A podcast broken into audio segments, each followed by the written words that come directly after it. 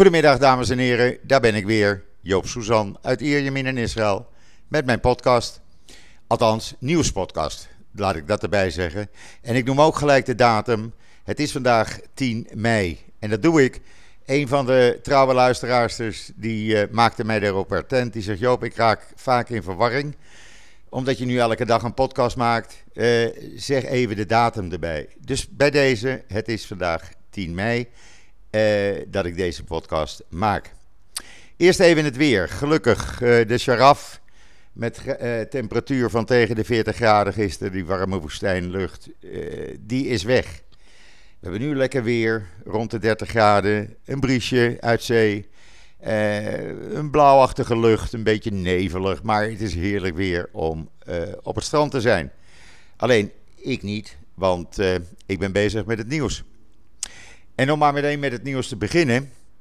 Gisteravond het op één na belangrijkste onderwerp op alle drie tv-journaals was de overval op het huis van de Israëlische voetballer Eran Zahavi in Amsterdam Buitenveldert toen hij onderweg was met zijn club PSV om bij Willem II te gaan spelen, werd uh, ja, zijn vrouw en kinderen overvallen thuis.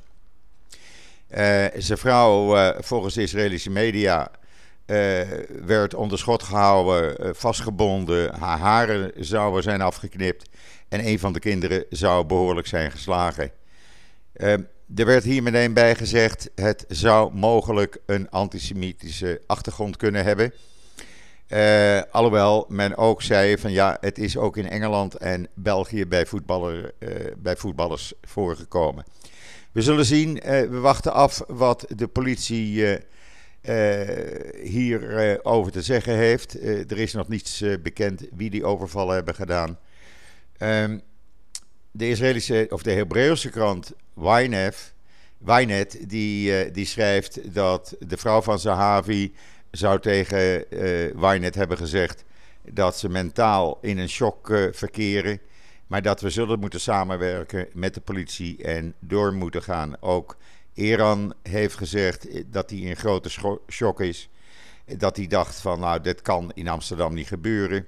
Het is een nachtmerrie. En ik heb net op mijn timeline een, uh, een klein videootje gezet. Waarop uh, te zien is dat Eran Zahavi met uh, zijn kinderen naar het Gebadhuis vanmorgen vroeg in Amsterdam ging. Om daar te bidden, wat gebruikelijk is. Uh, nadat je aan een ramp bent, bent, ontsnapt. Dan is het gebruikelijk dat je gaat, ja, dat je een gebed zegt, een dankgebed. en dat heeft hij dan ook gedaan. Ik vind het een ontroerend filmpje. Kijk even op mijn timeline. Ja, en dan de rellen. Het gaat maar door, het gaat maar door. Gisteravond hebben, hebben de rellen gezien in, in Jeruzalem.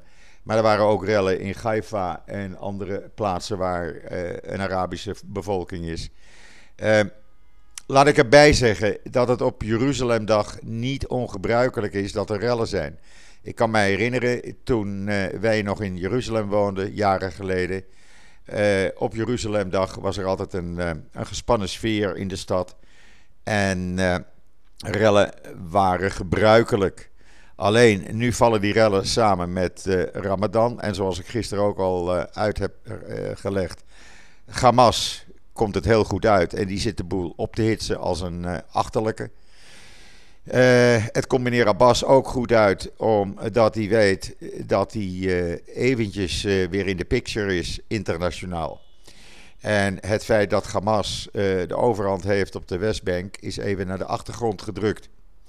Maar niet tegenstaande dat, gisteravond rellen, afgelopen nacht vier raketten. Eentje is uit de lucht geschoten, de andere drie zijn in onbebouwd gebied terechtgekomen rond Ascalon en Sederot. Gisteren waren er uh, meer dan 30 uh, eh, branden veroorzaakt door brandende ballonnen met explosieven vaak eronder in Zuid-Israël. het treinverkeer is enige tijd gestremd geweest. je mag dus rustig zeggen dat het chaos is. Um, vanmorgen vroeg ging meneer Ben Vier uh, de man die door Netanyahu in zijn coalitie is gehaald, een extreem figuur is dat. die, de, ja, die meneer Kahan aanhangt. De man die tientallen moslims in een moskee had vermoord. Die meneer Benkwier ging vanmorgen, ondanks het verbod, toch de Tempelberg op. En ja hoor, daar begonnen de rellen weer. De Palestijnen hadden natuurlijk van alles in voorraad klaargelegd stenen, uh, planken, noem maar op, grote keien. En ja, de rellen braken weer uit. Er zijn tot nu toe tien politieagenten gewond. en volgens de Palestijnen 300 Palestijnen gewond. Er liggen twee politieagenten in ieder geval in het ziekenhuis. maar er liggen slechts een tiental Palestijnen in de ziekenhuizen. ja, zij rekenen ook al onder de gewonden als ze een, een sneetje of een blauw oog hebben. Maar goed, eh, als je de, de video's ziet bij mij op israelnieuws.nl, dan begrijpt u wat er vanmorgen zich allemaal afgespeeld heeft. Er werd ook een, een auto bekogeld waarvan de bestuurder de macht over het stuur verloor en op Palestijnen inreed. Die, de mensen daaromheen probeerden hem toen te, te lynchen. Dat is tegengegaan door een politieagent die al schietend aankwam rennen en die, uh, die inzittende heeft gered. Dat is de sfeer op dit moment in Jeruzalem. Er wordt gezegd dat alle veiligheidsdiensten hebben geadviseerd om de route die uh, straks om vier uur wordt gelopen uh, door de mensen met de vlaggenparade voor Jeruzalemdag, dat hij niet door de oude stad en niet langs de Arabische wijken moet gaan. Om zoveel mogelijk uh, ja, de kalmte te handhaven. Of dat gaat lukken, ik weet het niet. Op het moment dat ik deze podcast maak, is daar nog geen officieel bericht over gekomen. Het is een advies. En ik hoop, ik hoop van harte dat dat advies ook wordt meegenomen. En dat die route voor mijn pad door Jaffa Street gaat en over de Maghanee Yehuda-markt. Maar ga nou niet nog eens een keer uh, olie op het vuur gooien. Het zal uh, na vandaag ook niet afgelopen zijn, want we krijgen nog Nakba Day. De dag waarop uh, de Palestijnen rouwen dat de staat Israël is opgericht. Dat vindt eind deze week plaats. Dan zullen er opnieuw rellen uh, in Jeruzalem en mogelijk ook andere plaatsen voorkomen. Uh, ik wil dat toch even bij opmerken. De mensen die nu rellen, de meeste jongeren studeren of werken in Israël. Uh, ja, ze zijn even vrij en dan moet je toch wat anders doen waarschijnlijk. En dan ga je maar rellen omdat je grote leider, meneer Ab, uh, Abbas, dat zegt. En omdat de leiders van Hamas dat zeggen. Want uh, die uh, spuien me daar een oorlogstaal uit. Daar heb je niet van terug. Nou, als ze oorlog willen, ik heb het net op Twitter gezegd, dan kunnen ze oorlog krijgen. Uh, maar dan niet Yankee Yankee doen daarna. dan even over de voortzetting van de nieuwe regering-coalitie. volgens alle kranten, de Hebreeuwse kranten, ziet het er erg goed uit. De Islamitische Raam-partij heeft gezegd dat zij die nieuwe uh, coalitie zullen gaan steunen. Dan hebben ze dus een uh, meerderheid van 61 Knessetzetels. Daar moeten ze wel iets voor terug hebben natuurlijk. Hebben ze ook gekregen. Zij mogen belangrijke commissies voorzitten. Uh, en ja, de meeste wensen zijn eigenlijk gehonoreerd. Waar het nu nog om gaat, als ik het goed begrijp, is het invullen van de ministersposten. Het programma, daar schijnt overeenkomst eh, over te zijn. Uh, het gaat nu over het invullen van de ministersposten. En uh, als blijk van hoe goed het ook gaat. Uh, gisteravond, aanhangers van Netanyahu gingen met luidsprekers voor de huizen van leden van de partij van Naftali Bennett staan. En schreeuwen en jellen van jullie zijn verraaiers en jullie horen daar niet thuis bij een linkse club. Jullie moeten bij de Likud terugkomen. Uh, ja, als dat het niveau is van Likud, dan uh, hoeft dat voor mij helemaal niet. Uh, Ayelet Saket moest gisteren een nieuwe telefoon uh, aanschaffen met een nieuw telefoonnummer. Omdat zij werd gebombardeerd met de meest verschrikkelijke dreigementen van Likud-leden. zo ga je niet met elkaar om. Netanyahu die vindt het allemaal prima, want die doet er alles aan om zijn laatste dagen in chaos te laten eindigen schijnbaar. Uh, gisteravond zijn er nog een aantal orthodoxe leiders bij hem uh, op bezoek gekomen. Hebben gezegd: Weet je wat, als jij nu even een jaartje geen premier bent en iemand anders even jouw werk overneemt als premier van de Likud.